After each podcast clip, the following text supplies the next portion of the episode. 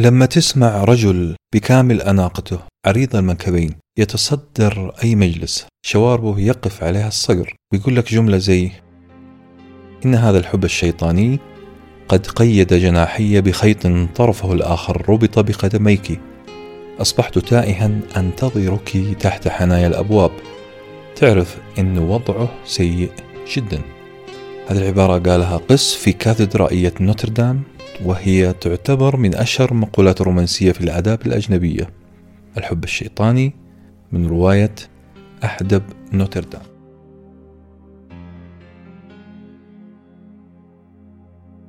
إن هذا الحب الشيطاني قد قيد جناحي بخيط طرفه الآخر ربط بقدميك أصبحت تائها أنتظرك تحت حنايا الأبواب.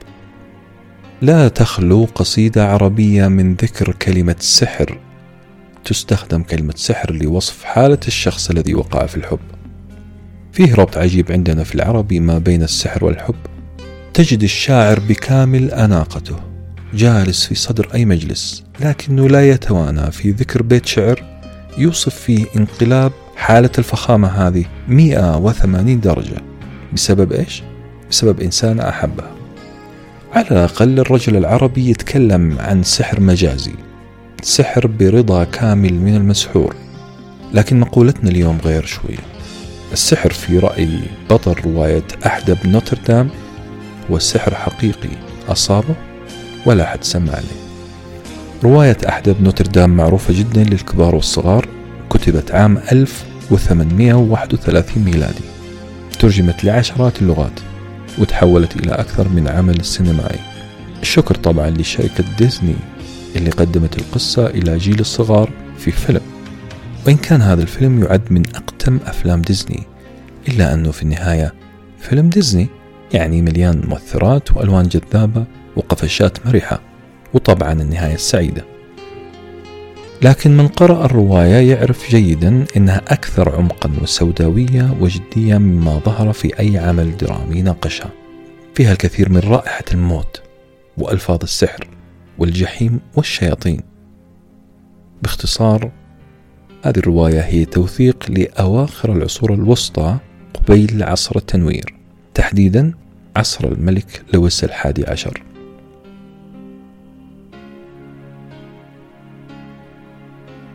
قد تكون الرواية أعظم ما كتب الأديب فيكتور هيوغو بعد رواية البؤساء وهي البداية الحقيقية له في كتابة مواقفه السياسية. تدور أحداثها في كاتدرائية نوتردام تقع في قلب باريس. الكاتدرائية بالمناسبة معناها أكبر كنيسة في منطقة دينية وتكون عادة مقر للبابا.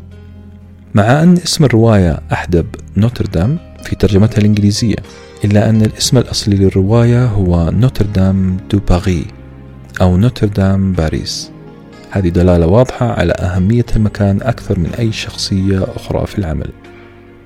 كتب هذا التقرير قارئة ناهمة للرواية الإنجليزية والأوروبية اختارت nickname لها bookish pen تقول عند زيارتي لباريس أحسست بنفس القتامة والضيق عند رؤيتي للمدينة.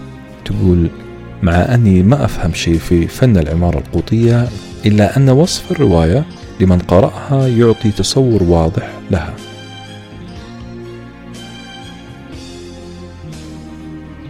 في في الرواية حب مختلف حب من نوع آخر حب بعيد عن مفهومه الرومانسي النقي الطاهر اللي تعودنا عليه في الروايات حب بعيد عن الرقة بعيد عن الحنان بعيد عن العطاء.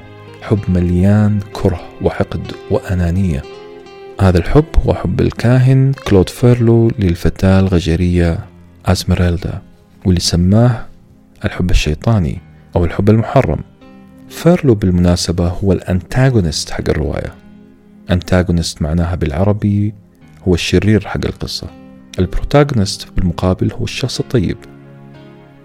فرولو هذا عانى في طفولته وعانى في شبابه وظهرت معاناته على شكل شرور كثيرة اقترفها وأهمها ممارسته للسحر وحبه المخيف والعنيف والمهلك لازميرالدا الغجرية الحسناء. كيف بدأت قصة الحب هذه؟ بدأت عندما رأى فيرلو ازميرالدا ترقص. بعدها لم يعد هو نفس الشخص.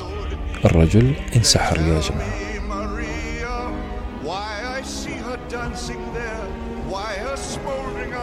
جماعة I see her, the sun caught in her raven hair is blazing in me out of all control. في مرة من المرات فيرلو اعترف لأزمرالدا بأنه قبل أن يراها وتمسه لعنة حبها أنه كان مسيطر تماما على مجريات حياته. يقول فيرلو لقد جعلت العلوم الروحية خادمة لجسدي فإذا أصابني مس من الشيطان فتحت كتابا فتتطاير أبخرة دماغي وتذوب أمام العلم وروعته.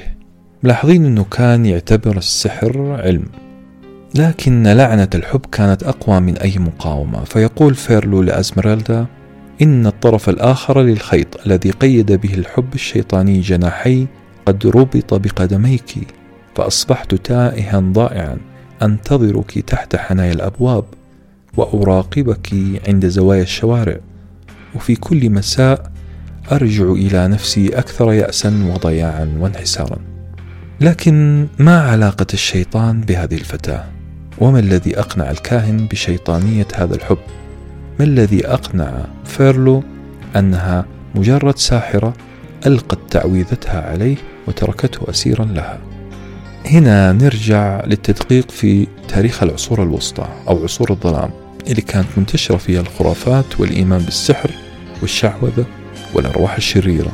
ورغم إيمان الكثير منهم بالكنيسة إلا أن الأمور الغيبية والسحر الأسود كانت من المسلمات والتي تتضح في حوارات أغلب شخصيات هذه الرواية. نقدر نقول أنه التطير سمة من سمات أي مجتمع منحط فكريا وعلميا وروحيا حتى. هذا الكاهن الذي وجد نفسه أسير للسحر أزمريلدا لم يجد هذا الكاهن إلا أن يستنتج أن ما أصابه هو نوع من المس الشيطاني المتمثل في هذه الفتاة الجميلة. تفاعل فيرلو مع مشاعره هو ما يدفع بعجلة الأحداث في الرواية والذي يظهر لنا بتصوير مفصل مدى فساد النظام السياسي والقضائي وحتى الاجتماعي في تلك الفترة. كان هنالك فوضى عارمة في ضبط مدينة كبيرة كباريس في ظل غياب سلطة مركزية ضابطة. كان هناك تعدد لهيئات الأمن.